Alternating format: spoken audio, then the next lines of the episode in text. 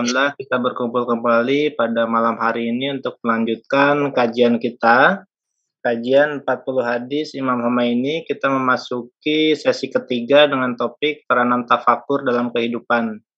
Sebelumnya mari kita panjatkan dulu salawat dan al-fatihah. Allahumma sholli ala Muhammad wa ali Muhammad. Allahumma sholli ala Muhammad wa ali Muhammad. Allahumma sholli ala Muhammad wa ali Muhammad. A'udzubillahi minasyaitonirrajim. Bismillahirrahmanirrahim. Alhamdulillahirabbil alamin. Arrahmanirrahim. Maliki yaumiddin. Iyyaka na'budu wa iyyaka nasta'in. Ihdinas siratal mustaqim. Siratal ladzina an'amta 'alaihim ghairil maghdubi 'alaihim waladdallin. Rabbi zidni ilma warzuqni fahma. Amin. Baik Ustadz, untuk mengefektifkan waktu mungkin saya serahkan kepada Ustadz. Silakan. Terima kasih. A'udzubillahi minasyaitonirrajim. Bismillahirrahmanirrahim.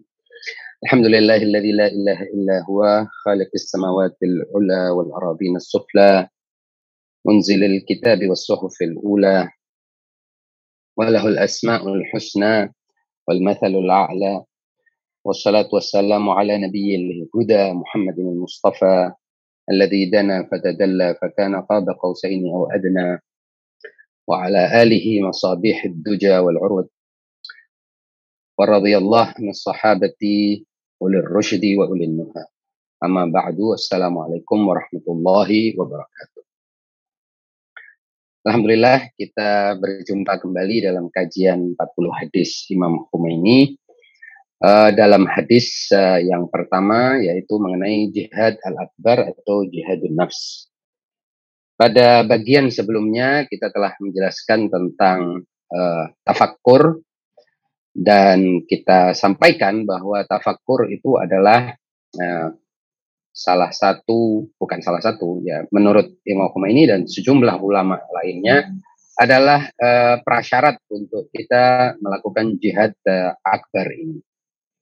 Dan kita juga sudah jelaskan bahwa tafakkur itu pada dasarnya adalah kita bergerak menggunakan pikiran kita dari sesuatu yang tidak kita ketahui untuk menuju kepada sesuatu yang eh, untuk membuka sesuatu dari maaf dari sesuatu yang telah kita ketahui jadi dari fitrah kita dari hal-hal yang badihi yang sudah kita ketahui untuk beranjak menemukan sesuatu yang tidak kita ketahui. Jadi tafakur ini merupakan cara kita membebaskan uh, dominasi dan kuasa waham dan daya waham dari dalam darah dari jiwa kita agar kita mampu uh, letakkan akal sebagai panglima dalam perjalanan kita dan uh, transformasi serta uh, apa jihad akbar ini. Dan ini sangat penting sekali mengingat sebagaimana telah kita sampaikan bahwa dalam jiwa manusia itu ada berbagai daya yang uh, saling bertarung eh, untuk memperebutkan jiwa, memperebutkan dominasi jiwa, uh, sehingga kita perlu untuk mendeklarasikan dengan tafakur ini kita mendeklarasikan akal sebagai panglima yang akan membimbing.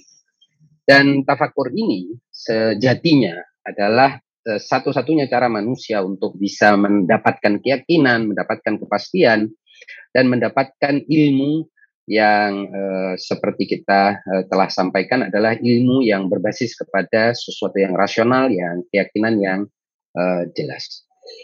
Nah, sebelum saya beranjak kepada uh, apa beberapa diagram yang telah disiapkan oleh uh, panitia, uh, saya ingin memberikan kita catatan dulu salah satu kaidah dalam akidah kita adalah bahwa semua hal yang uh, turun dari peringkat yang tertinggi ini memiliki ciri-ciri wujud yang di atasnya. Jadi apa pun yang turun itu memiliki ciri yang di atasnya, tapi tidak demikian sebaliknya. Yang di atasnya belum tentu memiliki kerendahan sifat wujud yang di bawahnya atau realitas yang lebih rendah ini.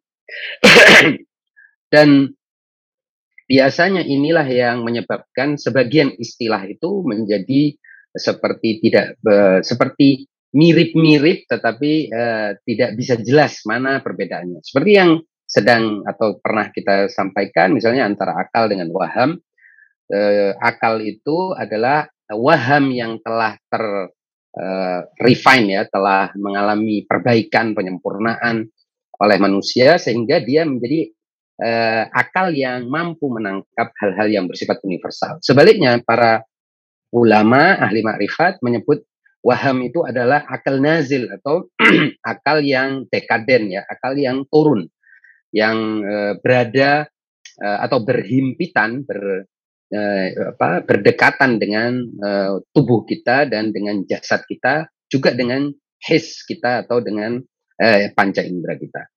Nah, ini uh, penting untuk saya sampaikan karena uh, makrifat ilahi dan ajaran ilahi ini menunjukkan kepada kita bahwa derajat-derajat yang di atas itu terpancar ke bawah, tetapi derajat yang di bawah belum tentu bersifat seperti yang di atas. Justru yang harusnya terjadi adalah derajat yang di bawah ini mendaki menuju kepada sesuatu yang uh, lebih tinggi dan begitu seterusnya.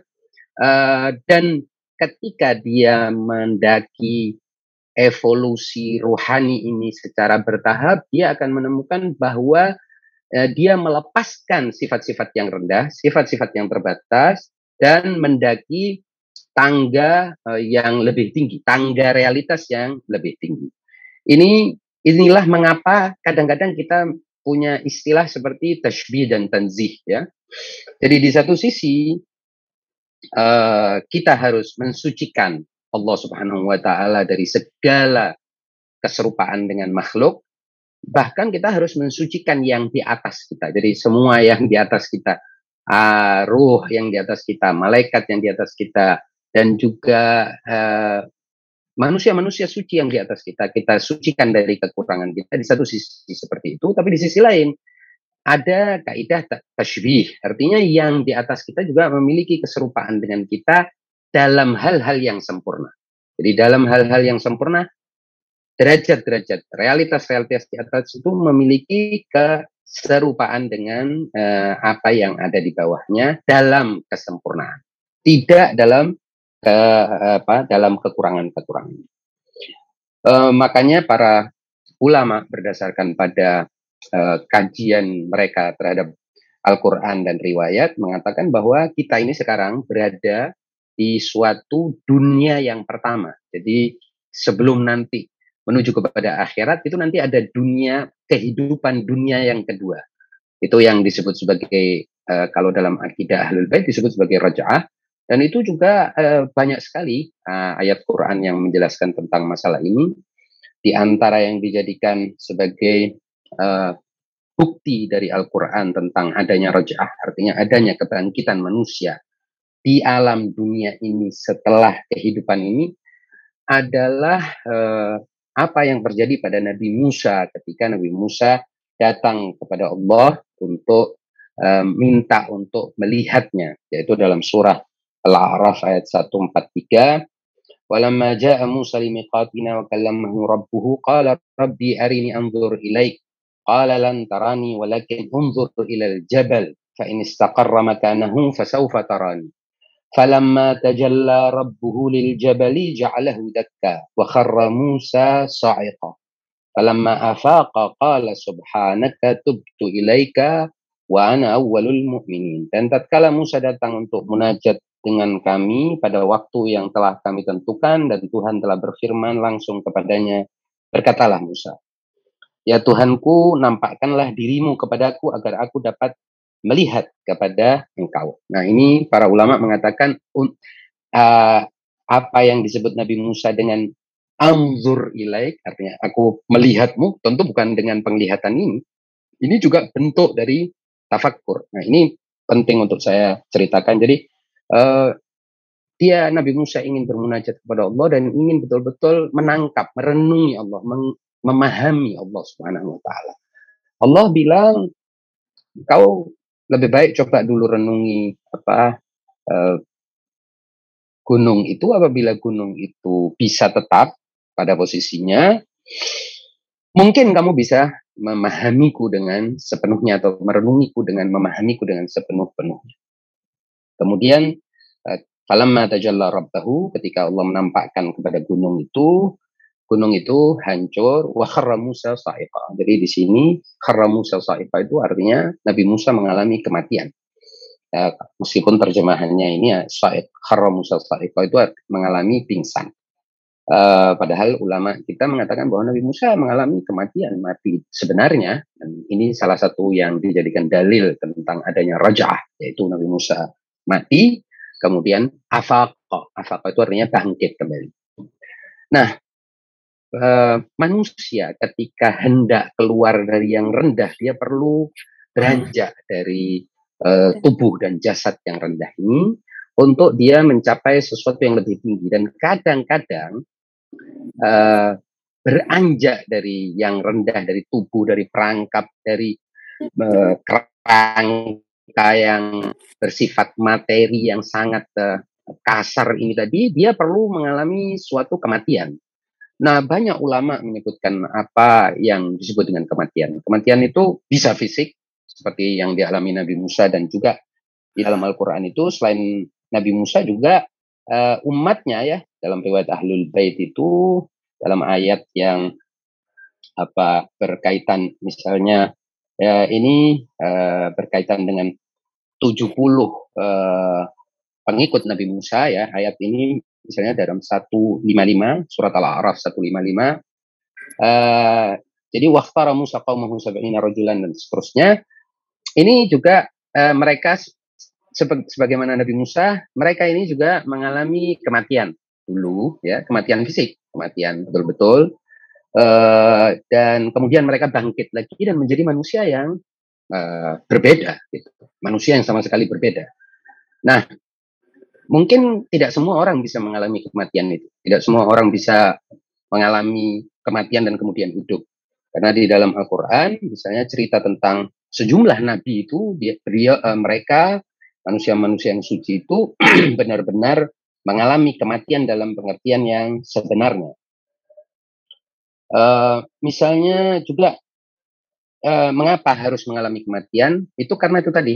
Jadi untuk berpindah dari sesuatu yang telah memerangkap dia, ya, suatu tubuh yang memerangkap dia atau suatu realitas, dimensi realitas, bukan realitas dalam uh, keseluruhannya tapi salah satu dimensi realitas ini memerangkap dia dia perlu keluar dari dimensi realitas yang merangkap dia dan itu kadang-kadang memerlukan apa yang disebut sebagai kematian itu tadi jadi betul-betul dia harus keluar dari situ mengalami kematian dan ini dialami tadi saya sebutkan ayatnya dialami Nabi Musa dialami oleh 70 umat Nabi Musa dalam riwayat Ahlul Bait 70 umat Nabi Musa ini setelah mengalami uh, kematian dan kehancuran fisik, mereka dibangkitkan, bangkit kembali.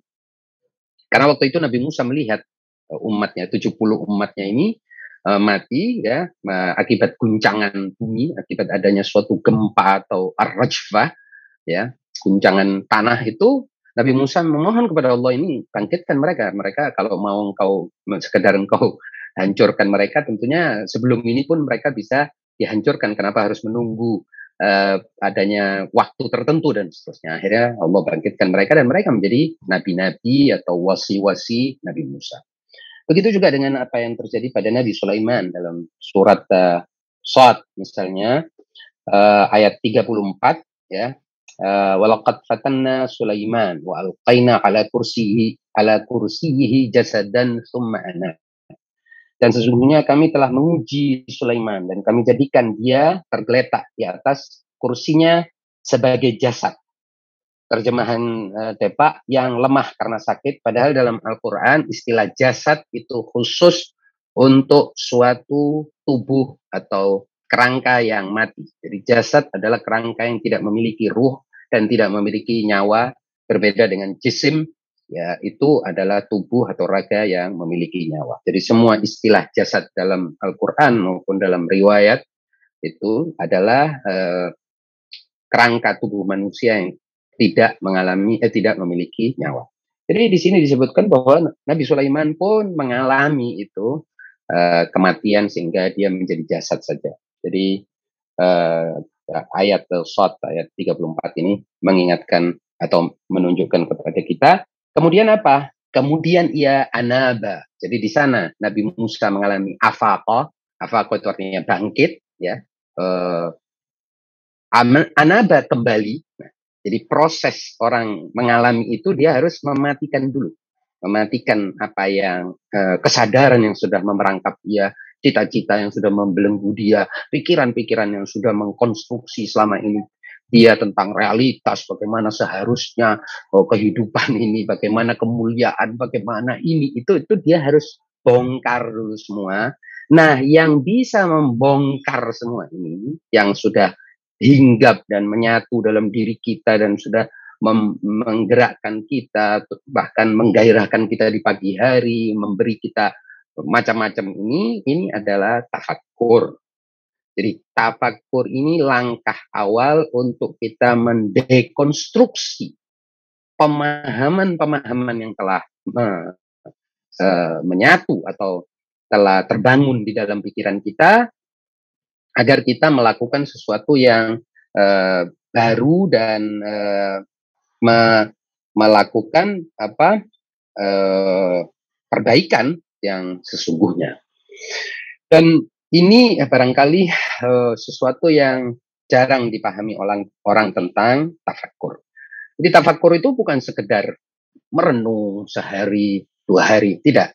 Tafakur harus beranjak kepada suatu kebangkitan baru, suatu uh, itu tadi kalau istilahnya Al-Quran itu kembali kepada Allah, harus berakhir pada kembali dengan Allah, kepada Allah harus merupakan sesuatu yang berakhir seperti apa yang dialami Nabi Musa ketika melihat uh, apa uh, setelah mengalami uh, kematian atau pingsan dalam istilah ini uh, kemudian dia uh, apa uh, afaqa ya. Dalam istilahnya itu uh, istilah yang digunakan oleh Al-Qur'an itu falamma afaqa maka gunung hancur ya. Setelah gunung hancur Musa pun jatuh pingsan Nabi Musa jatuh pingsan.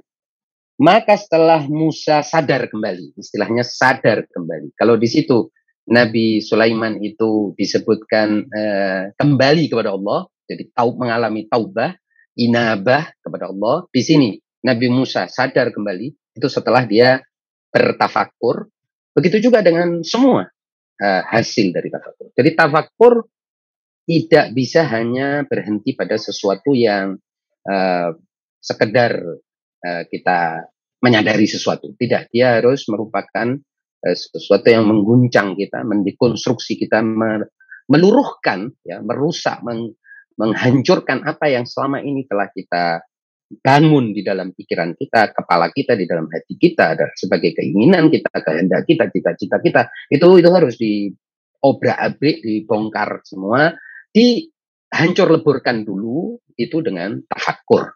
Jadi tafakur itu harus uh, punya dampak bahwa manusia yang telah mengalami tafakur ini tadi sadar betul, tahu betul hakikat dirinya sebagai hamba yang tidak memiliki apa pun sedikit pun dari wujud ini. Tidak memiliki apa pun dan sedikit pun dari kekuasaan, dari kemuliaan, dari apa pun.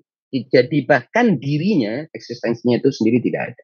Barulah setelah itu, baru ada manfaat dari tafakur itu.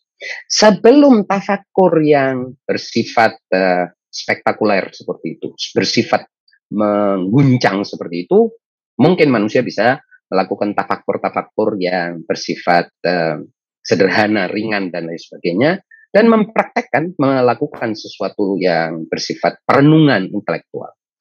Nah, untuk itu saya ingin uh, kita tahu dulu ya ada dua uh, perbedaan uh, apa namanya uh, makna dalam uh, para dalam terminologi uh, uh, Islam tentang uh, dua ilmu. Jadi ada ilmu huduri dan ilmu husuli.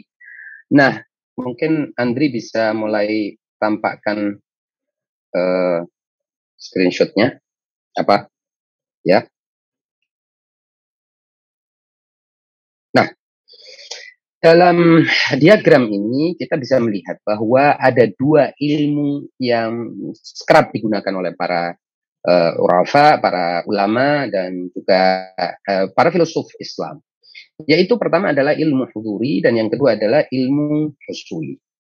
Untuk ilmu huduri kita tidak perlu bahas saat ini karena itu adalah satu bidang yang mungkin suatu saat kita kalau perlu kita bahas. Tapi eh, ilmu huduri itu adalah ilmu wujud kita sendiri. Jadi ilmu dengan kesadaran wujudiah. Jadi ilmu huduri per definisi atau secara definisi adalah ilmu di mana objek ilmu itu dan subjeknya menyatu dalam satu kesatuan. Dan itu biasanya bukan ilmu kita tentang gunung, bukan ilmu kita tentang angin, bukan ilmu kita tentang batu, karena batunya ada di sana, ilmu kita tentang batu itu hanya representasi batunya. Uh, bukan juga ilmu kita tentang gunung, ilmu gunungnya ada di sana, uh, representasinya yang ada di dalam diri kita. Ilmu huduri tidak. Ilmu huduri adalah ilmu kita tentang diri kita, karena diri kita ada di situ dan juga beserta berbagai kondisi serta keadaan diri kita ada di dalamnya dan ilmu kita tentang keadaan kita tentang perasaan kita sakit kita sedih kita senang kita itu disebutnya dengan ilmu huzuri. Jadi dia bukan kategori ilmu yang bisa dicari menggunakan uh, apa metode umumnya belajar ilmu seperti yang kajian-kajian seperti ini untuk para ahli filsafat mengatakan bahwa semua ilmu husuli harus kembali atau bersandar kepada ilmu husuli. Kalau ilmu husuli tidak bersandar dan tidak merujuk dan tidak bersumber dari ilmu husuli, maka ilmu husuli itu ilmu yang tidak punya pegangan sehingga dia mudah dipatahkan dan pada akhirnya juga uh, cuman sekedar teori yang hmm, dengan mudah bisa uh, hancur atau bisa uh, lul, bisa sirna dari dari kepala manusia. Berbeda dengan ilmu huduri. Jadi ilmu huduri itu harus jadi rujukannya ilmu husuli. Tema kita sekarang itu tentang ilmu husuli. Jadi apa yang dimaksud dengan ilmu husuli? Yaitu ilmu yang kita uh, peroleh ya menggunakan uh, pikiran kita atau akal kita, menggunakan hati kita, menggunakan juga panca indera kita, dan juga menggunakan waham kita. Ini semuanya ilmu husuli. Jadi objeknya ada di luar, kita serap menggunakan panca indera, kita proses menggunakan waham dan uh, akal kita, menjadi jadilah dia representasi tertentu di dalam benak kita, di dalam di dalam apa yang oleh para filsuf Muslim disebut sebagai di dalam wujud mental kita atau wujud internal kita. Jadi wujud internal kita berbeda dengan wujud eksternal. Nah biasanya ilmu husul itu hanya pengetahuan kita tentang eksternal, tentang sesuatu yang di luar diri kita, yang representasinya, gambaran di luar itu ada di dalam pikiran kita. Nah, ini nama ini e, disebut sebagai ilmu husuli. Jadi ilmu husuli objek pengetahuannya ada di luar. Kemudian kita tarik representasi atau gambaran dari objek yang ada di luar itu, objek eksternal itu kita ambil, kita abstraksi suatu representasi darinya atau suatu gambaran darinya atau suatu konsepsi darinya dan kita letakkan di dalam benak kita. Kita hus kita nahsulu, kita ambil, kita uh, kita ringkaskan ya sesuatu dalam benak kita. Nah, ilmu husuli itu ada dua. Ada ilmu nakli, ada ilmu akli. Ini penting untuk kita sadari. Ilmu akli, eh, ilmu nakli dulu. Jadi ilmu nakli itu adalah ilmu husuli yang kita peroleh dari kita dengar orang lain ngomong seperti itu. Kita melihat orang lain menukilkannya kepada kita. Jadi ilmu ini hanyalah nukilan dari orang lain. Jadi kita belajar hanya sekedar mengingat apa yang dia sampaikan kepada kita belum tentu kita tahu maknanya. Ini ilmu nakli. Dan biasanya ilmu nakli juga punya metodologinya seperti misalnya hadis, sejarah, bahasa. Ini semuanya ilmu nakliyat ya, ilmu yang kita nukil dari orang lain.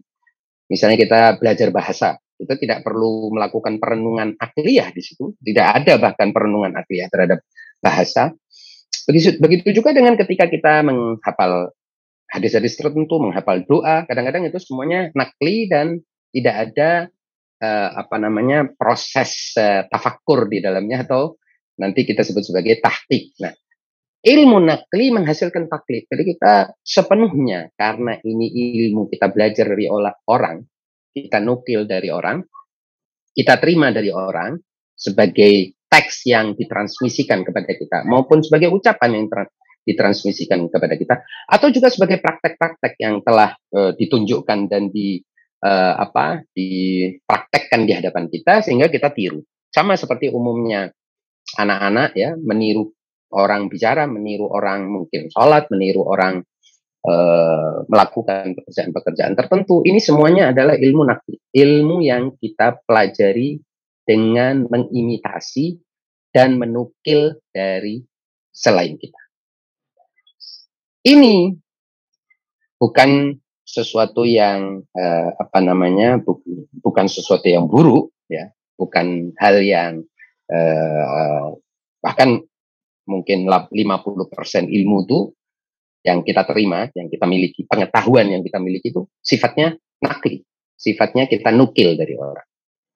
Dan ini pun ada metodologinya. Sama seperti ketika kita mendengarkan sejarah orang tua kita, mungkin kakek kita, kalau orang tua kita kita masih bertemu, kakek kita, kakek-kakek kita, terus sampai sejarah para imam, sejarah nabi, itu semuanya kita mendengar dari orang, kita menukil dari orang. Kita sendiri tidak mengalami uh, kehidupan mereka dan tidak tahu persis kehidupan mereka, kita hanya menukil. Tentu nukilannya dengan metodologi. Dan ini berbeda dengan ilmu akli. Ya. Ilmu akli adalah suatu ilmu yang bersifat rasional dan kita pahami secara rasional. Kita mengerti secara rasional. Bukan sekedar kita nukil dari orang. Biasanya ilmu nakli itu ujungnya adalah taklid atau yang biasa disebut sebagai dogma. Tapi kalau ilmu akli ujungnya adalah tahtik. Artinya kita memverifikasi kebenarannya. Kita tahu persis itu kebenarannya. Bukan katanya orang. Misalnya umpamanya itu ilmu matematika, ilmu geometri, aritmatika pada umumnya itu disebut sebagai ilmu akli. Karena kita tahu, misalnya kita bilang satu tambah satu sama dengan dua, bukan karena kita dengar dari orang satu tambah satu sama dengan dua, kita yakin, kita pahami, ya kalau satu e, barang, e, satu batu ditambah satu batu akan ada dua batu di hadapan kita. Jadi kita tahu persis ya ilmu akli itu kita tahu persis, kita pahami, kita sadari bahwa ini memang seperti ini. Kita bisa verifikasi kebenaran. Bisa kita lakukan tahkik kebenarannya di dalam benak kita, di dalam pikiran kita.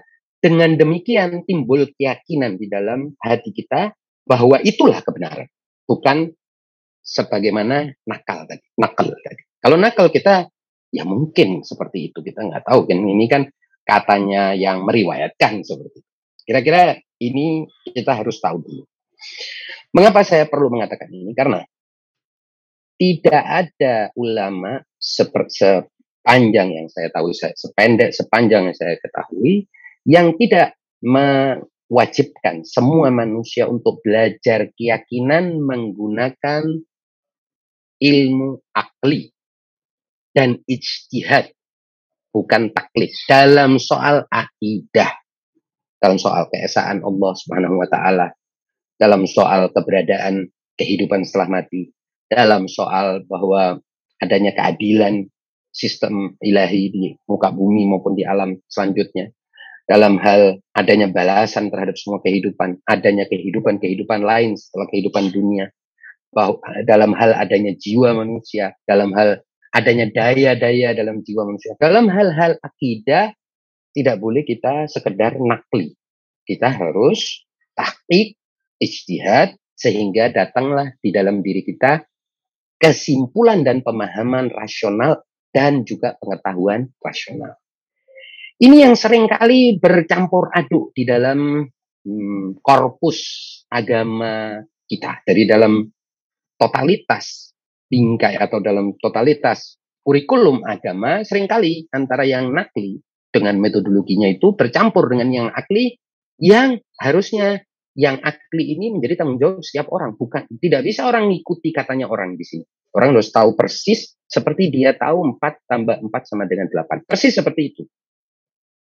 Dan dia bisa pakai sehari-hari. Jadi sama seperti misalnya kita terima kebenaran matematis dan kita gunakan setiap hari untuk menghitung investasi, untuk menghitung anggaran rumah tangga kita, untuk menghitung tagihan kita, untuk memprediksi dan merencanakan anggaran dan lain sebagainya, dan bahkan untuk menghitung uh, bensin yang masih kita miliki uh, dibandingkan dengan apa uh, jarak yang akan kita tempuh. Semua kita itu menggunakan matematika dan kita percaya bahwa matematika akan valid dalam uh, memberikan kesimpulan-kesimpulannya.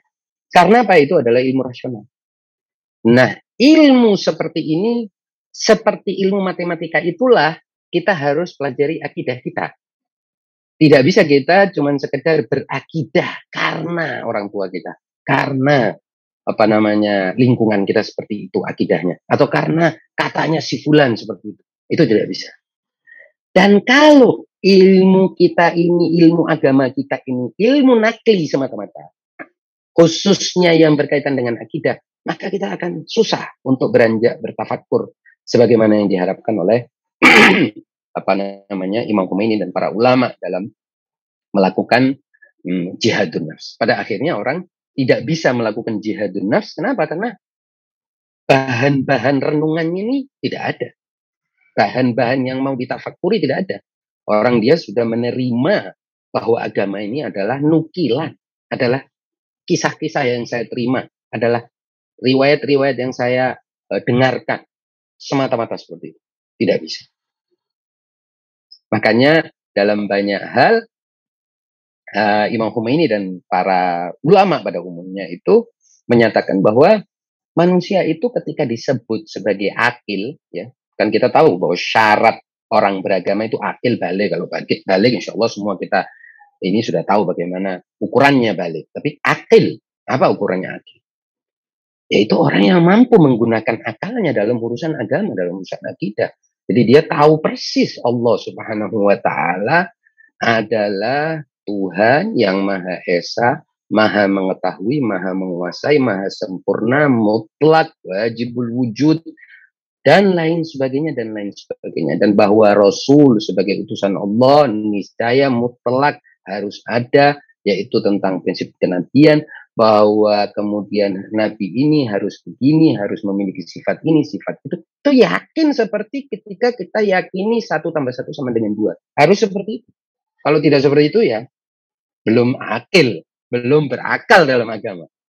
Itu yang uh, penting untuk kita ketahui. Karena tanpa uh, apa ilmu nakli, eh, maaf ilmu akli dan ilmu tahqiq dan istihad di dalam diri kita ya kesimpulan-kesimpulan rasional dalam diri kita tentang agama, minimal usul din, ya, prinsip-prinsip agama, gerak kita dalam beragama ini tidak termasuk yang sudah memenuhi syarat akil meskipun sudah balik.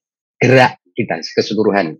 Jadi keberagamaan kita ini adalah keberagamaan yang void, yang hampa, yang kosong. Prasyarat utamanya tidak ada.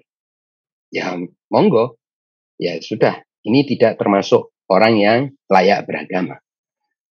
Dan mohon maaf, ini apa sangat penting untuk kita ingat bersama-sama.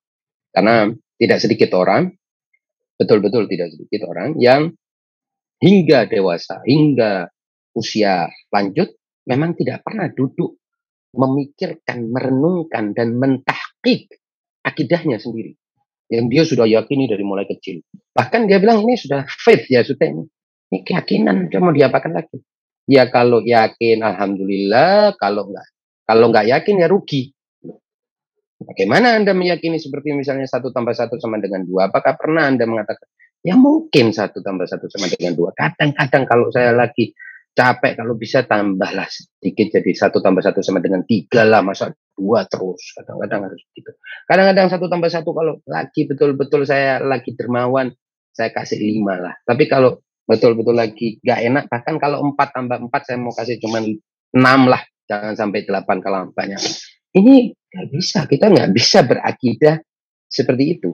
Nah bayangkan dalam urusan dunia ini Imam Khomeini juga menjelaskan dalam nanti dalam 40 hadis ini dan sepertinya juga di dalam buku lain beliau ya apakah Junudul Aql wal Jahal ataukah buku yang lain Ma'rifatus Salah dan saya lupa persisnya kayaknya tapi di dalam 40 hadis ini beliau mengatakan bahwa manusia ini ketika urusannya urusan dunia dia bisa itu secara tertib dan teratur menggunakan akalnya dan meletakkan ilmu-ilmu rasional sebagai basisnya berpikir dan basisnya bertindak, bersikap, mengambil keputusan dan lain sebagainya.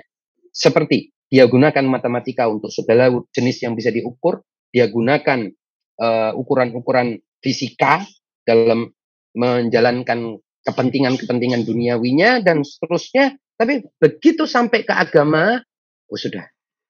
Begitu urusannya agama, mainnya untung-untungan. Jadi ya kalau dapat gak apa-apa, kalau udah dapat gak apa-apa, kalau bisa gini, kalau gimana bisa begitu? Padahal ini semuanya harus menggunakan taktik, harus sesuatu yang kita verifikasi kebenarannya, seperti kebenaran-kebenaran rasional lain bahkan lebih tinggi. Karena apa? Karena berujung pada ilmu futuri. Wajib sampai ke sana. Oleh sebab itu, Ibn Tufail itu ada cerita di dalam salah satu buku yang terkenal uh, mengasumsikan bahwa kalau semua manusia ini ya diberi kesempatan untuk hidup sendiri di hutan tanpa ada yang lain-lainnya, maka dia langsung otomatis akan menjadi orang beragama secara rasional. Jadi sekiranya kita ini semua dapat kesempatan untuk tiba-tiba kita diangkut, masing-masing kita diangkut, ditaruh di tengah-tengah laut, tanpa ada orang, tanpa ada alat, tanpa ada sarana apa pun di situ, tengah hutan yang kita tiba-tiba jatuh di situ, maka kita akan menjadi religius rasional. Langsung. Karena apa? Karena memang fitrah manusia, ilmu huzuri manusia mendorong manusia untuk beragama secara rasional, beriman kepada Allah secara rasional, bukan untung-untungan seperti umumnya orang mengajarkan agama ini. Seperti juga ketika kita berurusan dengan dunia, karena apa? Kalau berurusan dengan dunia kita harus ketat semuanya metodologinya harus ketat, perencanaannya harus ketat, semuanya harus sesuai dengan ilmu, harus harus ada kepastian dan tidak boleh sesedikit mungkin mengurangi probabilitas, risiko kita kurang, semuanya kita perlakukan secara rasional, tapi begitu urusannya agama malah datang pikiran untuk kita uh, untung-untungan. Makanya Al-Quran secara halus dan indah mengatakan min waswasil khannas alladhi waswisu fi nas. Jadi apa mungkin apa enggak? Berarti kalau mati enggak ada enggak ada kemungkinan uh, hidup gimana ya? Kalau apa enggak rugi ya ini harus kita akhir kenapa urusan matematika kita enggak pernah seperti itu? Kenapa kita yakin masuk pesawat? Yakin ya kan? Selamat karena kita yakin dengan insinyurnya dengan desain uh, prototipnya bla bla bla. Begitu juga ketika mobil starter kita yakin starter bisa jalan. Kenapa ketika urusannya dunia kita yakin sepenuhnya. Karena urusan-urusan dunia kita percaya dijalankan secara rasional dan sudah ditahkik dan diverifikasi secara rasional oleh semua yang terlibat. Sementara kalau urusannya agama, kita kalau bisa minta berkahnya saja agama. Kalau nggak dapat ya nggak apa-apa, kalau dapat ya alhamdulillah. Dan tidak pernah kita melakukan perhitungan rasional yang serius. Ini problem uh, dalam beragama. Oleh sebab itu mereka yang seperti ini yang belum berakal seperti ini dan belum bisa menggunakan akalnya tidak bisa disebut di, di, di dalam agama Islam disebut belum layak mendapatkan taklif dan tidak layak mendapatkan kewajiban bersyariat. Oke lanjut ke, ke diagram kedua. Andri. Nah, uh, saya ingin kembali sedikit ya ini dalam diagram kedua ini tentang hubungan antara akal dan waham karena uh, penting untuk kita ketahui bahwa istilah waham di dalam teks-teks Islam dan filsafat Islam itu uh, sering dicampur adukkan dengan istilah uh, khayal. Padahal menurut uh, para ulama uh, waham itu sebetulnya lebih mendekati. Jadi dari segi fungsi dan statusnya lebih mendekati akal. Tetapi waham bisa menangkap dan mengerti dan memahami eh, hal-hal uh, yang bersifat partikular. Jadi benda-benda bisa dia pahami dan dia bisa mengerti. Akal tidak. Akal itu berhubungan dengan konsep-konsep universal.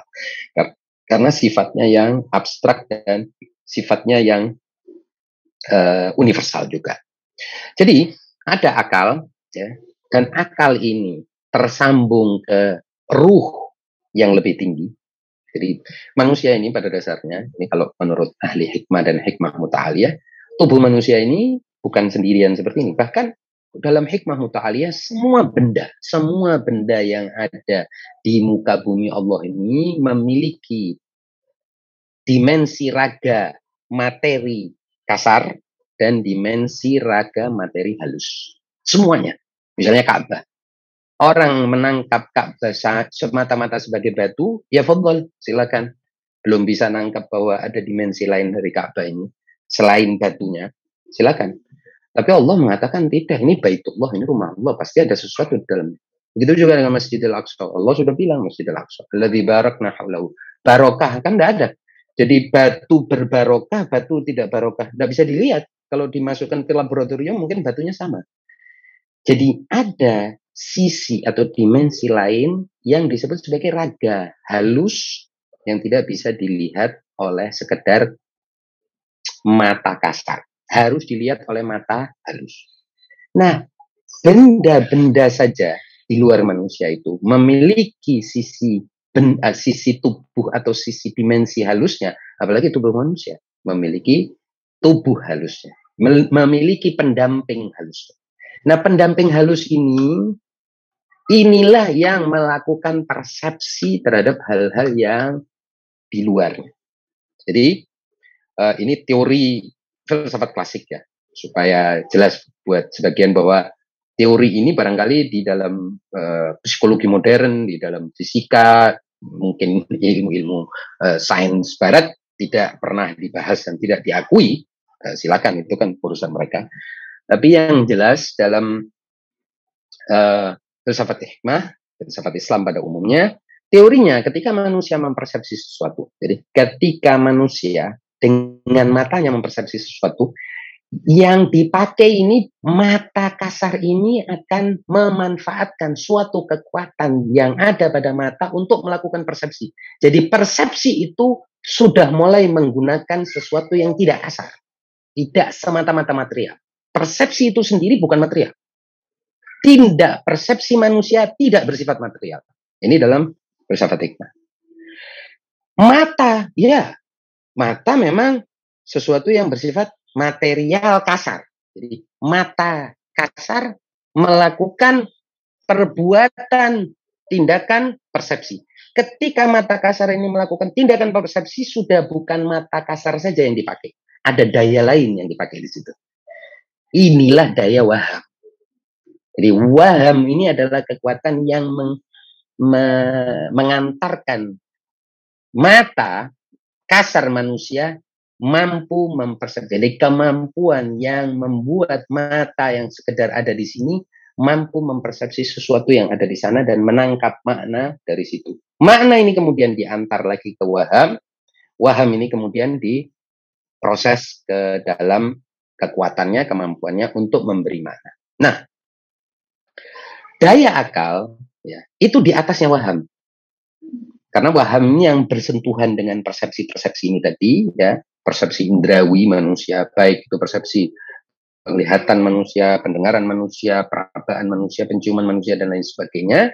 Ini persepsi-persepsi ini semuanya serba uh, raw, ya, kasar semuanya, belum diproses untuk ditahtik, di, diverifikasi kebenarannya. Yang bisa memverifikasi adalah akal manusia. Karena akal berhubungan dengan ruh yang di atasnya, yang persepsinya terhadap benda jauh lebih tajam. Bukan lebih rendah. Bukan apa namanya, uh, bukan lebih buruk. Tidak. Yang lebih tinggi itu melihat yang di bawah itu secara lebih tajam. Ini saya kira perlu saya jelaskan. Itulah mengapa uh, istilah misalnya dalam metafora yang disepakati oleh semua muslimin Rasulullah Shallallahu Alaihi Wasallam mengalami mi'raj, Isra dan mi'raj. Kenapa disebutkan ke Sidratul Muntaha yang paling tinggi itu?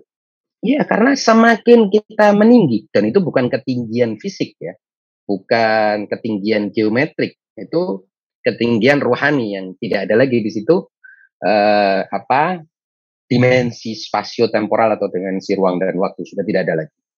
Nah, dengan kita mengalami transendensi, persepsi manusia itu akan semakin tajam.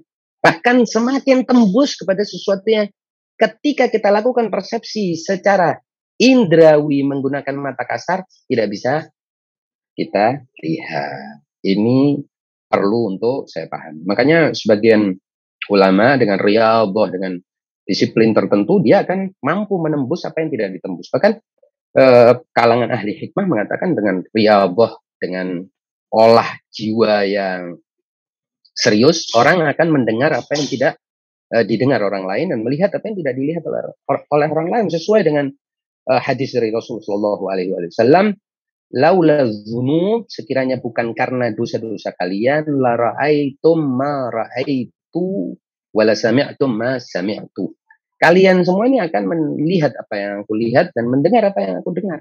Jadi yang nutupi itu adalah zunub dosa-dosa.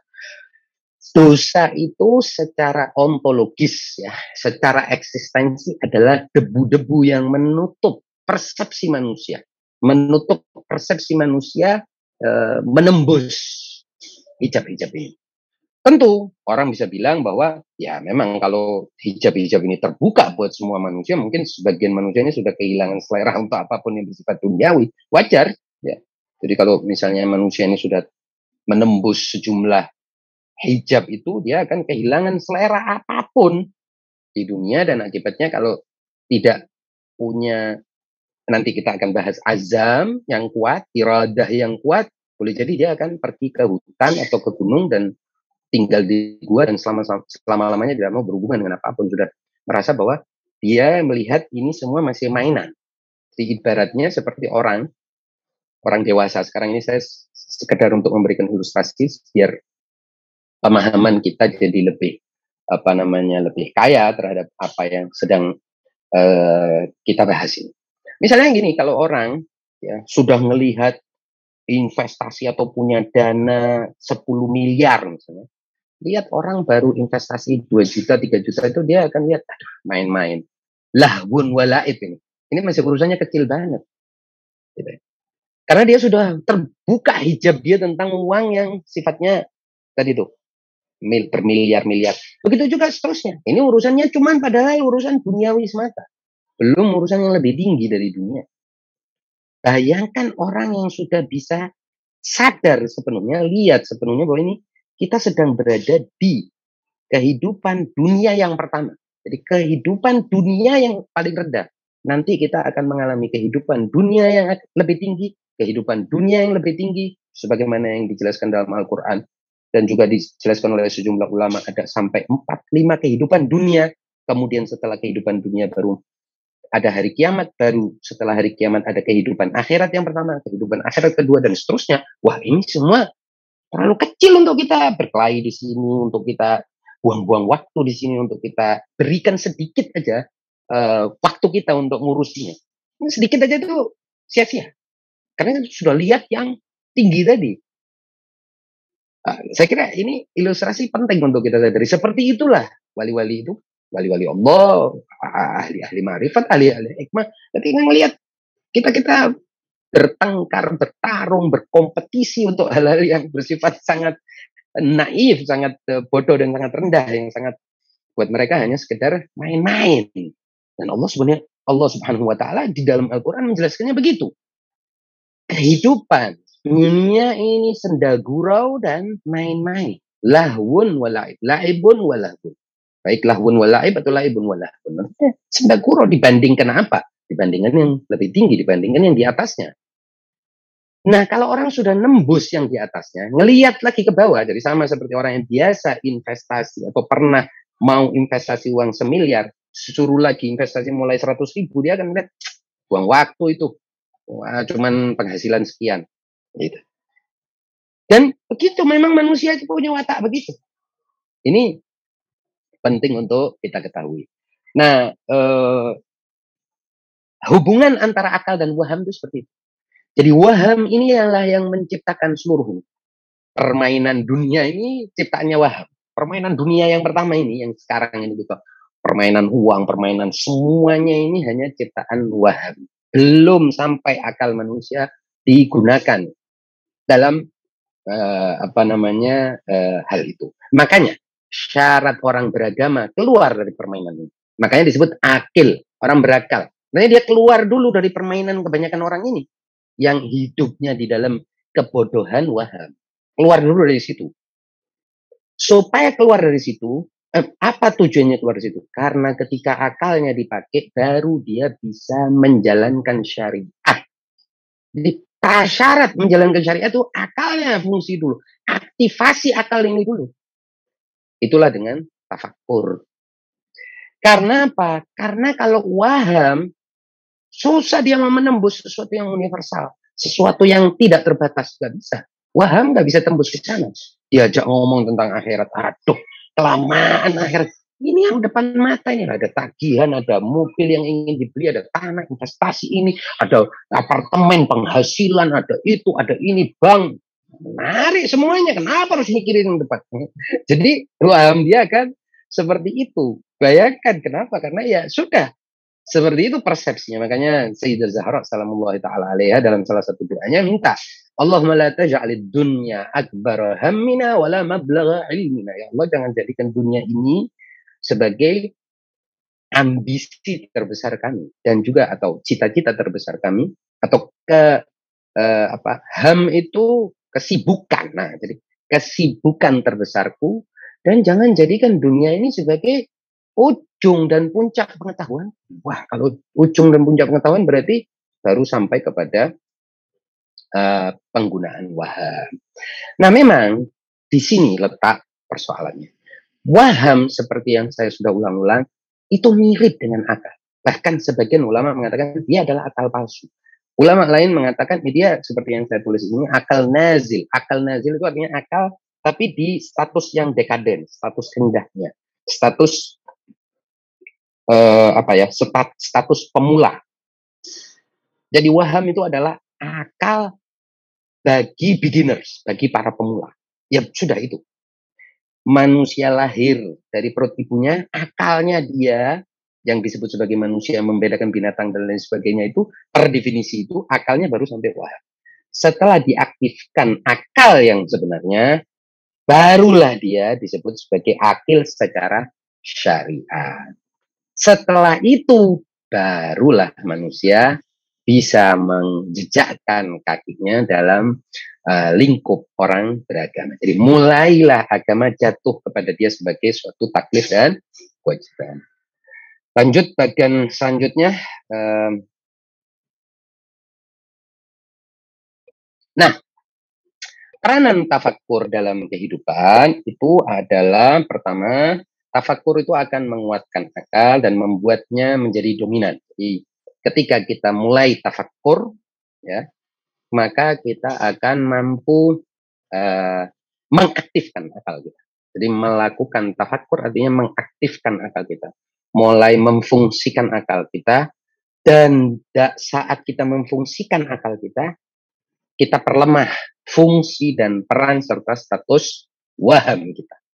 Waham kita kita dudukkan memang di tempatnya yaitu di bawah akal. Tapi kalau kita tidak tafakur, waham kita seolah-olah menjadi akal.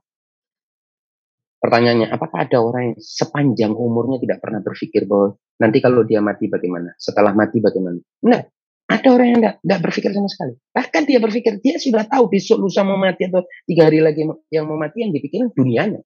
Bagaimana ya cara menyelamatkan dunia? Bagaimana supaya investasinya tidak gagal? Bagaimana supaya anak-anaknya nanti makan terus sampai turunan berikutnya tuh Walhasil urusannya wahamnya nyeret dia ke terus ke sini. Ini seolah-olah dia berpikir, padahal enggak. Dia enggak berpikir. Belum menggunakan akalnya. Kenapa? Fungsi akal harus sudah menembus ilusi waktu dan ruang. Jadi hasil dari tafakur adalah kesimpulan yang tidak lagi terikat oleh ruang dan waktu. Kesimpulan-kesimpulan dan keyakinan-keyakinan yang sudah melabrak, melanggar batas ruang dan waktu. Menembus batas ruang dan waktu. Sudah tidak terikat itu lagi. Artinya, ketika manusia bertanya tentang siapa pencipta, terserah mau di dunia, mau di akhirat nanti, mau di apa namanya di dalam rahim ibu, uh, di kuburan, tetap pertanyaan ini dan keyakinan yang dihasilkan atau jawaban yang meyakinkan yang dihasilkan dari pertanyaan ini akan sama di mana pun alam itu. Siapa Tuhanku? Siapa penciptaku? Jawabannya sama. Itu adalah matematikanya apa namanya alam, matematikanya eksistensi. Jawabannya Allah Subhanahu wa taala yang tunggal, esa, kuasa dan seterusnya dan seterusnya. Terlepas di dunia kah, di dalam keadaan berhutang kah, dalam keadaan uh, sedang banyak masalah kah, sedikit masalah kah, senang, susah, tidak ada bedanya jawabannya harus sama. Sama seperti jawaban di dunia ini ya. Waham sudah memberikan jawaban kepada kita 4 tambah 4 sama dengan 8. Ini selesai. 6 tambah 6 sama dengan 12 selesai. Mau kita lagi susah, lagi pagi-pagi ketemu masalah atau enggak pagi-pagi enak, seket, lagi sakit, selesai semua. Tidak bisa berubah kesimpulan. Ini perlu kita rontokkan. Nah, eh, sedikit catatan. Jadi kembali kepada adanya tubuh-tubuh lainnya, dari ada derajat-derajat persepsi dan dimensi-dimensi lain dari tubuh ini. Ini para ulama biasanya kemudian eh, tadi saya sudah sebutkan beberapa ayat yang tentang adanya kematian ya. Tapi sebelum kematian itu biasanya ada latihan. Jadi riyadhah riyadhah. Biasanya dengan riyadhah tertentu tubuh yang kasar ini akan terolah ya tidak lagi dominan uh, dalam me, meng, apa, membentuk persepsi kita dan pemahaman kita dan seluruh konstruksi berpikir kita, dia tidak lagi dominan sehingga dia bisa mulai kuncup dan timbullah tubuh yang lebih halus itulah yang mulai membentuk mengkonstruksi uh, pemahaman konsepsi kognisi kita kesadaran kita dan lain sebagainya dan dia akan lebih dekat pada sesuatu yang bersifat rohani Bahkan roh itu sendiri ber, berderajat, jangan dipikir roh itu tidak berderajat ya, tapi itu pembahasan lain. Nah, yang menarik adalah bahkan sekarang ini di dalam uh, ilmu-ilmu empiris pun kenyataan pengalaman-pengalaman orang-orang yang non tidak non religius ya, yang tidak percaya dengan agama dan lain sebagainya juga merasakan adanya persepsi-persepsi yang tidak lagi uh, objektif secara fisik ya. Jadi halusinasi kayak namanya uh, ilusi kayak namanya uh, dan mereka me, me, me, apa ya caranya adalah dengan merekayasa reaksi-reaksi kimia tertentu dengan narkoba, obat-obatan, LCD, uh, psychedelic ya dengan teknik-teknik uh, penyorotan lampu dan lain sebagainya mereka bisa mengalami sesuatu yang tidak dialami oleh tubuh kasarnya. Dan itu betul, bukan tidak ada. Betul. Tetapi tetap itu dalam kendali wahab. Jadi kalau anda melihat misalnya orang-orang tertentu yang mengalami uh, atau mengkonsumsi narkoba, mengkonsumsi obat-obatan tertentu, bahkan penyakit-penyakit tertentu, kalau tidak salah seperti penyakit uh, schizophrenia, penyakit uh, apa namanya paranoia, bahkan penyakit Alzheimer ya, demensia, penyakit amnesia dan lain sebagainya itu bisa kesadaran yang terla kesadaran kita tentang atau dominasi kesadaran dan kognisi tubuh kasar ini pelan-pelan menyusut dan digantikan oleh tubuh halus. Digantikan oleh tubuh wahmi, tubuh barzakhi kita. Jadi waham kita semakin kuat. Nah, bayangkan kalau akal kita yang kuat. Kalau akal kita yang kuat, maka waham kita akan terkoreksi oleh akal kita dengan pengetahuan-pengetahuan universal. Dan jangan salah, kenapa di dalam Al-Quran itu ada anjuran betul uh, tentang sholat malam. Ini bukan sesuatu yang Al-Quran dan dalam agama. Kenapa? Karena malam itu disebutkan di dalam Al-Quran sebagai sesuatu yang uh, keadaannya lebih nasyiat al-lail. Jadi disebut sebagai uh, apa? Sesuatu yang uh, ya apa ya sebentar ya istilah jadi inna nasyiatal lail sesungguhnya bangun di waktu malam adalah lebih tepat ya asyad duwatan wa aqwa muqila. Dan bacaan di waktu itu lebih berkesan. Jadi ini bukan sesuatu yang jadi disebutkan di dalam Al-Qur'an inna nasyiatal lail. Sesungguhnya malam itu punya kesan punya apa efek di dalam psikologi manusia, jiwa manusia, lebih dalam daripada waktu siang. Padahal kalau kita lihat kebalikan, persepsi kasar kita, panca indera kita lebih kuat di waktu siang, di waktu matahari terbit. Tubuh kasar kita ini lebih kuat di waktu matahari terbit. Tapi sebaliknya di waktu malam, tubuh lembut kita, tubuh dimensi halus dari tubuh kita itu yang lebih kuat. Jadi ini menunjukkan memang ada dua dimensi yang dibuat bertentangan agar selalu seimbang. Ingat ya, dibuat yang satu kanan nyeret ke sana dan satu nyeret ke kiri supaya seimbang. Karena kalau salah satunya menang, ya sudah. Manusia sudah tidak tahu lagi kalau dia punya atau tidak sadar lagi kalau dia punya dimensi. Jadi Allah Subhanahu wa taala sudah sangat adil dan bijak untuk membuat tubuh ini di, dibuat apa? seimbang seperti itu dengan uh, lingkungan yang seimbang, kondisi yang seimbang. Nah, yang menarik, jadi sebagian orang dengan penyakit tertentu itu kehilangan eh, dominasi tubuh uh, kasarnya sehingga dia mulai mengalami halusinasi yang sebetulnya itu adalah um, bangkitnya tubuh halus dia dan mulailah dia mempersepsi hal-hal yang tidak bisa dipersepsi menggunakan panca indera dan tidak ada apa namanya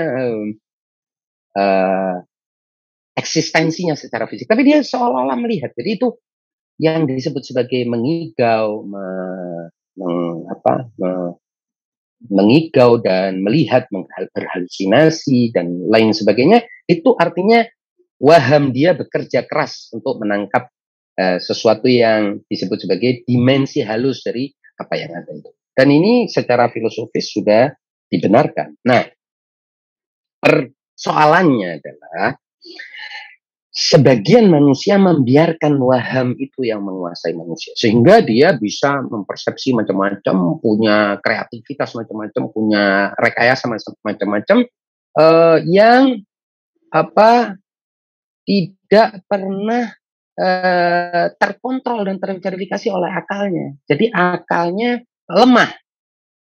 Kalau sudah akalnya lemah dia tidak layak untuk uh, menjalankan syariat. Bahkan syariat buat dia tidak bisa terikat dengan syariat. Tapi di dalam dunia dia sangat kreatif. Bahkan dia jenius. Malah menurut uh, Pak Haidar Bagir itu istilah jenius dalam bahasa Inggris itu uh, dikaitkan uh, dengan jin ya, dengan genie, genius. Genius itu dengan alam jin. Sebetulnya di dalam ilmu-ilmu hikmah juga seperti itu.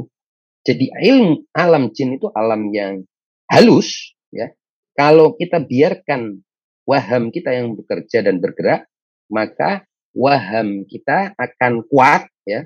Tetapi kenyataannya kita sebetulnya uh, apa sebetulnya uh, tidak tahu mana yang benar dan mana yang salah.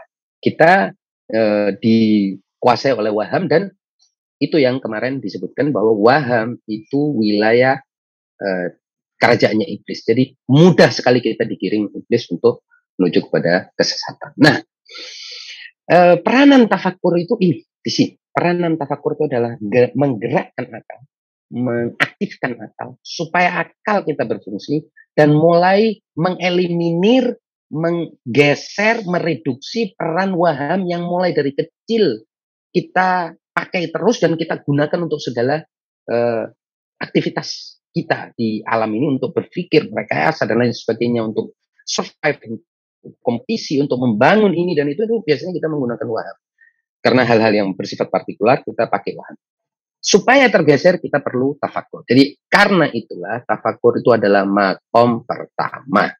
Meskipun itu tidak berarti apa yang disampaikan oleh uh, ulama lain tentang makom tafakur itu salah ya karena misalnya di mana Zilus Sa'irin Hajah uh, Abdullah Al-Ansari mengatakan bahwa tafakur itu adalah uh, sesuatu yang uh, apa uh, yang di, bukan yang pertama melainkan yang uh, kelima ya kalau tidak salah ini saya coba cari uh, bukunya dulu. Nah, yang kelima dari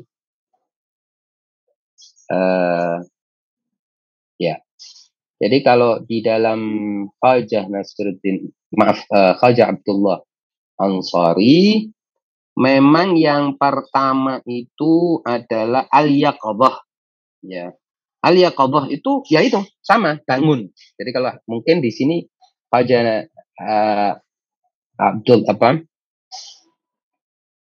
Uh, Nas uh, maaf uh, Manazilus Sairin ya Hajar Abdullah Al-Ansari itu mungkin maksudnya Uh, jadi mulai dengan uh, bangkit dulu.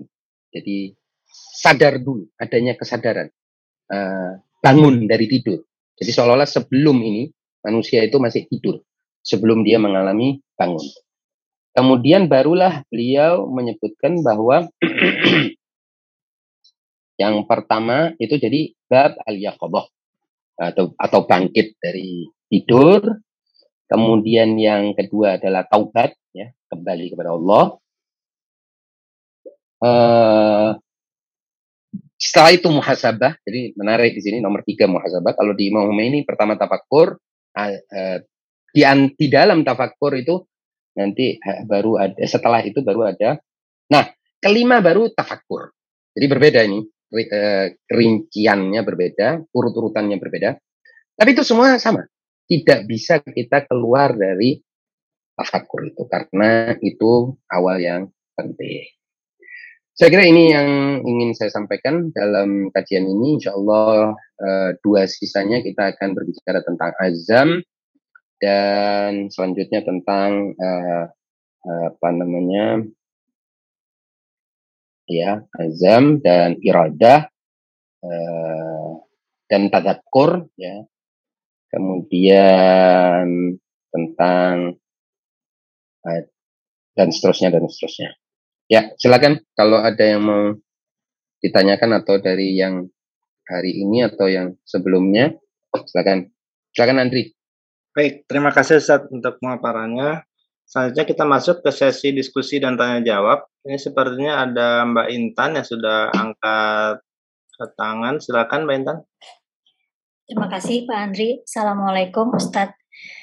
Uh, Waalaikumsalam warahmatullahi wabarakatuh mendengar penjelasan Ustadz tadi, saya jadi mengetahui bahwa selama ini saya beragama ini masih berdasarkan ilmu nakli saja. Uh, mengenai apa berdasarkan apa yang saya baca, saya dengar dan diajari oleh orang-orang di luar saya, belum berdasarkan ilmu akli gitu Ustadz ya. Nah, uh, pertanyaan saya apakah uh, kalau tadi Ustadz bilang untuk bisa mencapai ilmu akli ini, kalau saya tidak salah tangkap harus mengaktifi, mengaktifasi akal dengan bertafakur. Nah, apakah tafakur ini bisa dilakukan tanpa panduan gitu Ustaz? Artinya bertafakur sendiri saja pun sudah pasti uh, nanti manusia itu akan menemukan jawabannya. Uh, jadi tidak perlu diajari gitu ya, benar-benar hanya bertafakur sendiri saja. Mungkin saya membayangkannya seperti Nabi Musa gitu ya, apakah bisa gitu menemukan kebenaran seperti Nabi Musa. Karena tadi saya juga kalau nggak salah dengar Ustadz bilang kalau manusia diletakkan di hutan, di laut, pasti dia sebenarnya bisa gitu ya. Tapi apakah memang begitu Ustadz? Kemudian kalau seperti itu, sejak umur berapa gitu Ustadz manusia itu punya kemampuan untuk bertawa, bertafakur ini? Uh, karena kan tadi kalau Ustadz bilang Uh, sebenarnya kita baru terkena hukum syari itu kalau sudah akil balik gitu kan sementara saya pikir kayaknya sekarang kita terkena hukum uh, syari itu kalau sudah balik saja kayaknya karena kalau akli itu kan nggak bisa dilihat gitu Ustaz. Nah kalau menunggu sampai dewasa banget dan jangan-jangan sampai dewasa juga nggak akil-akil karena nggak pernah bertawakur itu gimana Ustaz status kewajiban syarinya? Gitu Ustaz. Hmm. Pertanyaan saya dua. Terima kasih. Assalamualaikum warahmatullahi wabarakatuh. Salam warahmatullahi jadi pertama uh, tafakur itu memang ya di sini tafakur itu adalah perbuatan masing-masing orang, pribadi-pribadi orang ya.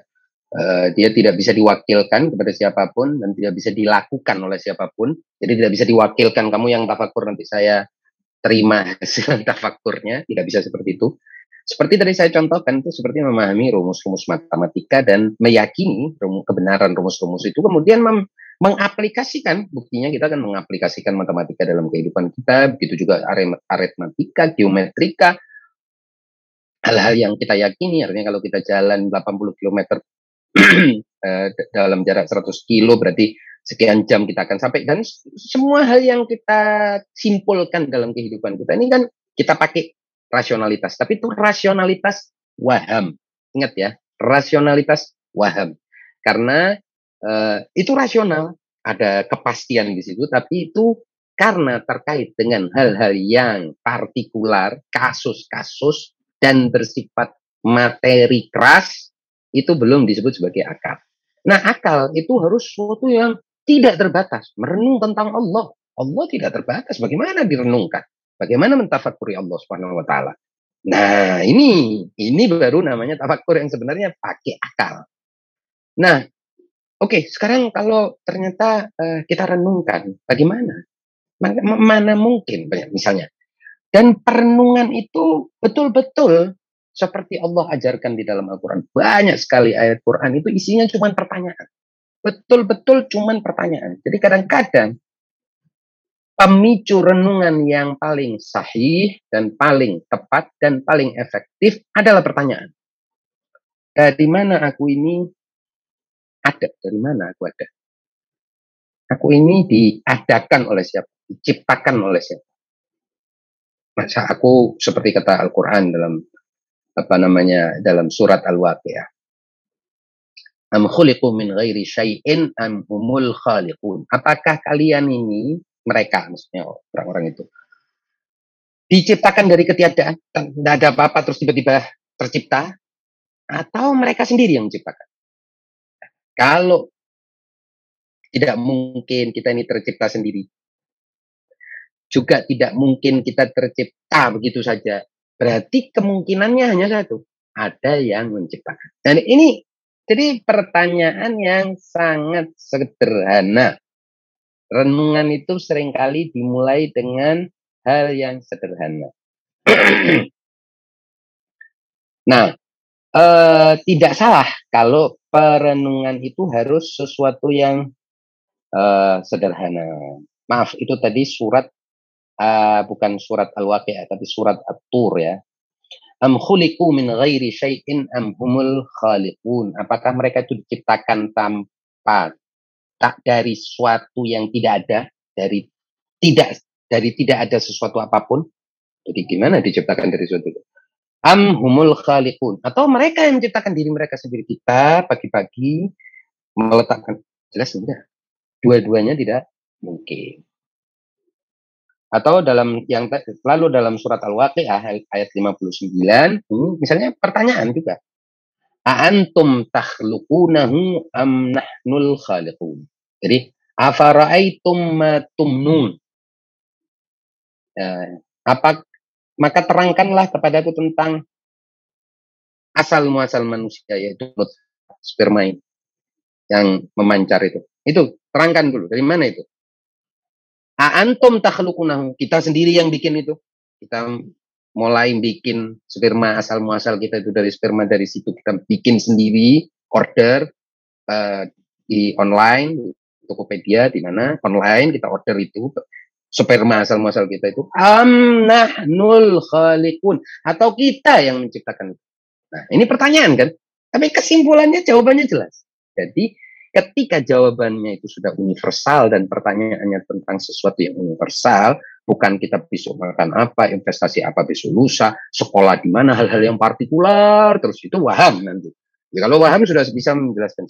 Nah, ketika kita mulai seperti itu, barulah kita memasuki atau mengaktifkan akal kita. Makanya diulang-ulang di dalam Al-Quran itu, afala tak pilih, afala ya pilih, apakah tidak berakal, apakah tidak berakal. Maksudnya apa kok tidak berakal, tidak berakal? Ya, ketika mulai kita memikirkan hal-hal yang universal, bukan cuma urusan tetek bengek makan minum eh, enak hidup besok ngapain kerja di mana apa kata orang bagaimana menurut orang status kita mulia di mata orang atau tidak apa enaknya kita ini itu ini. Itu di luar itu semua itu namanya tafakur tapi kalau masih urusannya urusan gimana urusan kita sama orang partikularitas itu bukan tafakur itu cuman wah ini yang jawaban yang pertama. Yang kedua berkaitan dengan uh, apa apakah kita punya kewajiban syar'i? Oh punya. Begitu kita balik kita punya kewajiban syar'i. Tapi maksud saya tadi bukan berarti tidak jatuh kewajiban syar'i kita ketika kita tidak akil. Justru itu adalah suatu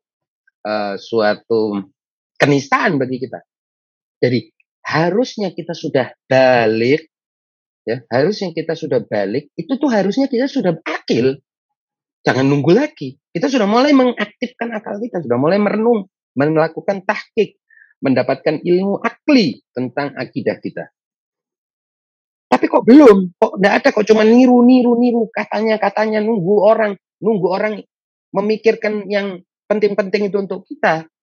Ya, ini berarti kita bukan berarti terus tidak layak atau tidak jatuh kepada kita perintah agama dan kewajiban agama. Tidak, justru sudah jatuh, tapi kitanya apa ya tidak lulus, tidak lolos uh, de, uh, dengan kriteria kedua. Akibatnya ya pastinya kita menjadi manusia yang sia-sia dan menjadi uh, dan itu beban buat kita bukan beban buat syariat. Artinya kita yang harusnya me, uh, menjadikan beban itu atau kita memenuhi syarat itu sehingga kita layak mendapatkan uh, apa mendapatkan status sebagai mukallaf atau pegawai Allah Subhanahu wa taala dalam uh, syariat Allah. Kalau tidak kita tidak layak. Nah, ketidaklayakan itu bukan berarti suatu hal yang uh, di apa ya dimaafkan tidak karena kita sudah balik.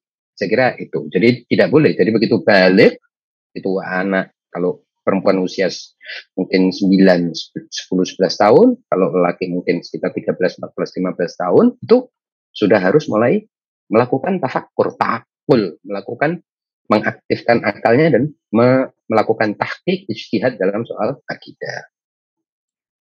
Terima kasih Ustadz. Sekarang saya kayaknya lebih paham dengan uh, kalau nggak salah ada yang mengatakan bertafakur sebentar lebih baik daripada belajar seribu tahun atau berapa lama gitu ya Ustadz. Ya? Nah itu persis itu itu maksudnya. Iya, itu. Iya, Betul. Terima kasih Ustadz. Terima kasih Pak. Sama-sama. Baik, terima kasih Mbak Intan. Ustadz, uh, sebelum melanjut ke peserta berikutnya, saya ada pertanyaan terkait juga dengan pertemuan sebelumnya. itu uh, dinyatakan bahwa kenyataannya alam ruh itu jauh lebih besar, canggih, dan superior begitu. Nah, apa yang terjadi ketika waham menguasai jiwa? Apakah ia bisa mengendalikan dimensi ruh yang demikian besar dan luas begitu, Ustaz? Tidak bisa mengendalikan dimensi ruh, justru waham kita nggak bisa menjangkau ruh, jadi dia terputus. Jadi kita akhirnya mahrum apa ya?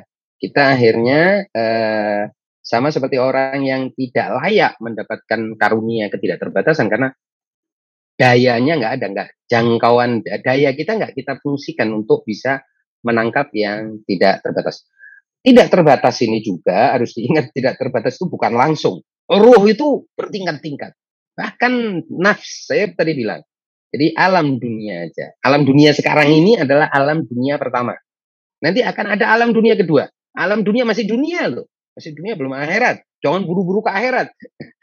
Setelah kiamat, namanya kiamat itu kebangkitan. Qama yakumu. Setelah kiamat akan ada suatu ledakan ontologis baru atau revolusi ontologis, revolusi eksistensial baru, baru manusia masuk ke alam akhirat pertama. Jadi fase akhirat pun satu dua karena Allah Subhanahu Wa Taala itu kesian pendidik. Allah Subhanahu Wa Taala punya uh, nama Ar-Rabb. Ar-Rabb itu artinya Tuhan sekaligus pendidik, pemelihara. Dia akan memelihara ini makhluk-makhluknya biar layak memasuki uh, apa namanya uh, memasuki hmm, tahapan demi tahapan yang di dalam Al-Qur'an itu disebutnya dengan atwara ya kan? Uh, waqad khalaqakum atwara kan? Ada dalam Al-Qur'an. Uh, uh, apa? Ada ayat uh, malakum la tarjuna lillahi waqara. Mengapa kamu tidak percayakan kebesaran Allah Subhanahu wa taala? Waqad khalaqakum atwara dalam surat uh, apa? Nuh itu uh, padahal dia sesungguhnya telah menciptakan kamu dalam beberapa tingkatan kejadian. Jadi manusia ini tingkatan tingkatan tingkatan tingkatan tidak ada habis-habisnya. Oke. Okay? Baik Ustaz. Selanjutnya ini ada pertanyaan dari Mbak Nia Hoirani. Izin bertanya Ustaz, apakah semua ranah keberagamaan itu harus menggunakan jenis ilmu akli, sedangkan akal itu terbatas? mulainya dengan akal dulu. Baru setelah itu kita boleh ilmu akli. Karena usuluddin, ya usuluddin itu artinya fondasi-fondasi agama, itu harus direnungkan dan ditahkik dan diverifikasi oleh akal kita. Baru setelah itu kalau misalnya tentang sholat, kenapa subuh dua rakaat ini itu nggak boleh akal karena nggak bakal sampai akal itu nggak itu sudah wilayah jadi gini agama itu ada dua wilayah ya ada wilayah usul, ada wilayah furu'. Ada wilayah atau uh, sesuatu yang disebut sebagai fondasi-fondasi. Ini harus kita jangkau secara atau kita pahami secara rasional seperti kita memahami satu tambah satu sama dengan dua. Dua tambah dua sama dengan empat dan seterusnya. Seperti itu kita harus memahami. Kita harus verifikasi secara intelektual dan rasional. Wilayah apanya yang harus diverifikasi? Usul. Adapun wilayah furu, yaitu fikih, syariat dan lain sebagainya, tidak perlu karena enggak, sudah itu sudah konsekuensi aja. Sama seperti misalnya begini, ketika kita mau jadi nasabah bank, kita harus milih dulu mau nggak kita jadi nasabah bank. Bank ini apa bank itu? Bank satu, dua, tiga, ada pilihan tiga bank. Yang mana yang mau kita mau? Oke, saya mau bank ini. Oke. Setelah Anda memilih wilayah apa bank itu secara rasional menggunakan akal Anda sendiri, sebetulnya tidak perlu menggunakan akal dan tidak bisa. Itu menggunakan waham yang kita sebut sebagai akal, yang sering kali kita sebut sebagai akal atau rasio kita. Setelah itu, baru kemudian Anda harus menerima sebagai nasabah bank yang sudah Anda pilih, bank itu menentukan A, B, E, kebijakan dia harus ini, sudah Anda terima sebagai nasabah. Itu saya kira. Furuknya itu artinya cabang-cabang. Lanjut. Terima kasih Ustaz. Selanjutnya dari Mas Aris. Izin bertanya, bagaimana cara melakukan tafakur dengan sangat fokus dan baik, sedangkan pikiran-pikiran masih banyak dipenuhi masalah-masalah duniawi Apakah harus diselesaikan dulu urusan duniawinya terlebih dahulu atau bagaimana Ustaz mohon pencerahannya? Uh, tafakur tidak bertentangan dengan urusan dunia apa pun dan seperti tadi saya bilang tafakur itu menggunakan akal urusan-urusan dunia 95% menggunakan waham kita jadi yang penting waham kita dalam kendali akal. Nah apa bedanya urusan dunia itu kan urusan partikular ya urusan yang bersifat eh, kasuistik kasus kejadian tertentu spesifik dan sangat terikat oleh ruang dan waktu. Sementara tafakur itu menghasilkan sesuatu yang tidak terikat oleh ruang dan waktu. Artinya kita hasil tafakur kita ini kalau kita kembali misalnya ini meskipun itu tidak mungkin kembali ke rahim ibu kita kesimpulannya sama kita hidup di dunia kesimpulannya sama kita hidup usia 25 tahun sama 40 tahun 50 tahun 60 tahun 70 sampai 90 tahun kesimpulannya sama setelah nanti kita dikubur sama kesimpulannya setelah kita bangkit dari kubur juga kesimpulannya sama bang mati lagi bangkit lagi dan seterusnya sama kesimpulannya. Nanti kita di surga sama kesimpulannya. Bahwa Rabbunallah Tuhan kita satu, tunggal, esa, dialah yang menciptakan segala-galanya, kepada dialah kembali segala-galanya, dari dialah segalanya berasal, dan seterusnya itu yang kita sudah sering uh, syahadatkan itu. Kita sering la ilaha illallah, tiada Tuhan melainkan Allah, itu. Itulah kesimpulannya. Mau kita di mana pun. Nah, jadi tafakur itu sesuatu yang tidak terbatas, tidak terkait juga dengan masalah-masalah duniawi kita sehari-hari yang tidak akan pernah bisa lepas. Karena itu saya tadi umpamakan, kalau misalnya manusia ini ada suatu kejadian, dia terlempar, deng, tidak bertemu dengan siapa pun. Kalau bertemu dengan orang, biasanya dia masih akan mulai wahamnya bergerak. Ada dia itu, enak kalau saya mulai ngomong gini nanti dikira begini. Nanti di apa diperlakukan seperti ini atau dia nanti saya diledek di ini di itu macam-macam kalau masih ada orang masih ada teman berwahamnya ini. Tapi dia enggak dilemparkan tiba-tiba dia muncul di tengah-tengah gunung es, kanan kirinya kosong sepanjang mata memandang dia dan dia tahu ini adalah padang pasir yang tidak ada ujungnya atau di tengah-tengah lautan atau di tengah-tengah hutan dia tidak bisa lihat kecuali pohon kanan kiri dan dia tidak lihat sama sekali ada apa-apa. Wah, dia langsung bertafakur ketika itu sudah lupa sama wahamnya. Kira-kira begitu. Dan Imam Ja'far Shadiq punya uh, hadis yang seperti itu tentang uh, tentang apa fitrah manusia. Baik Ustaz. Uh, selanjutnya dari Ahmad Farisi, di dalam agama ada suatu keyakinan yang memerlukan hadis seperti konsep imamah. Sedangkan benar atau tidaknya hadis tersebut, kita masih percaya pendapat orang lain atau ulama. Apakah boleh seperti ini Ustaz? Kalau urusan usul tidak bisa. Usul harus ijtihad dengan akal dan tafakur dan akal kita. Kalau urusan akidah kita ngikut orang, ya sama seperti ketika kita hitung-hitungan uang ikut orang. Berapa ya kesimpulannya tadi? Kita sendiri nggak mau hitung gitu ya, nggak mungkin. Tapi buktinya ketika urusan dunia kita apa pun kita buang. Ketika urusannya gaji misalnya, Berapa sih 3 juta itu? Ya kita ngitung sendiri. 1, 2, 3, 4, 5. Sampai 3 juta. Tapi kalau urusannya akhirat kita kalau bisa ulama ini yang jawab, kalau bisa saat ini yang jawab. Kalau bisa kita dengarkan fulan ini ngomong, kenapa? Usul ya. Urusan usul harus semua orang bisa menjawab. Karena apa? Karena urusannya ini mau dibawa ke mana pun. Setelah mati dan seterusnya dan sebelum hidup dan artinya masalah universal. Jadi ini kan jawaban atas persoalan universal. Persoalan yang kalau dalam istilah lainnya itu persoalan filosofis, akar fundamental dari eksistensi. Ya harus kita yang jawab sendiri, kita harus tahu sendiri, memahami sendiri, bukan katanya orang. Gitu.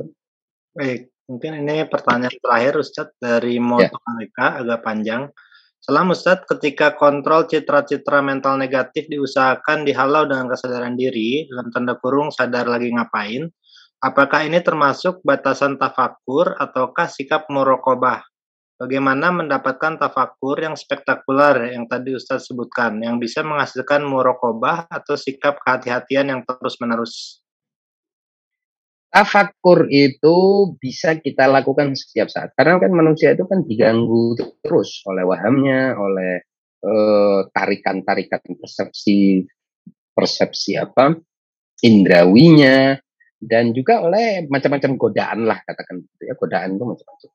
Godaan syahwatnya, godaan amarahnya, godaan daya-daya lain, godaan manusia, godaan setan, godaan uh, teman, godaan apa pun. Nah, jadi tafakur itu makanya uh, Imam Khomeini kan dalam secara tegas di sini itu dia menunjukkan ini tafakur fi hadal makom tafakur dalam uh, apa namanya status ini atau di makom ini di tahap ini huwa an yufakiral insan. Yaitu ketika manusia berpikir bertafakur ba'dal waqt beberapa waktu. Jadi dia harus menyiapkan waktu khusus untuk bertafakur itu. Waktu khusus itu artinya nggak lagi ngapa-ngapain, dia kosongkan dulu kesibukannya. Dia pikirkan ini kan lebih penting dari kesibukan apa pun karena ya ini saya di sini ini kan pasti punya tujuan gitu. Kira-kira jadi harus ada kayak ada seperti kesadaran itu dulu. Harus ada kayak momen lah gitu. Nah, baru itu namanya tafakur, bukan bukan juga meng, jadi kan suka mungkin orang meng, apa ya mengacaukan dengan mengat, melamun misalnya, menghayal tidak sama sekali ini berbeda karena dia sifatnya universal. Oke, kita sudah selesai? Baik, sudah Ustaz. Nah, eh, tadi kelihatannya ada satu yang ngangkat tangan tapi kemudian hilang. Tadi saya kelihatan seperti ada. Oh iya tadi tidak ada. Redmi mungkin bagaimana? Redmi?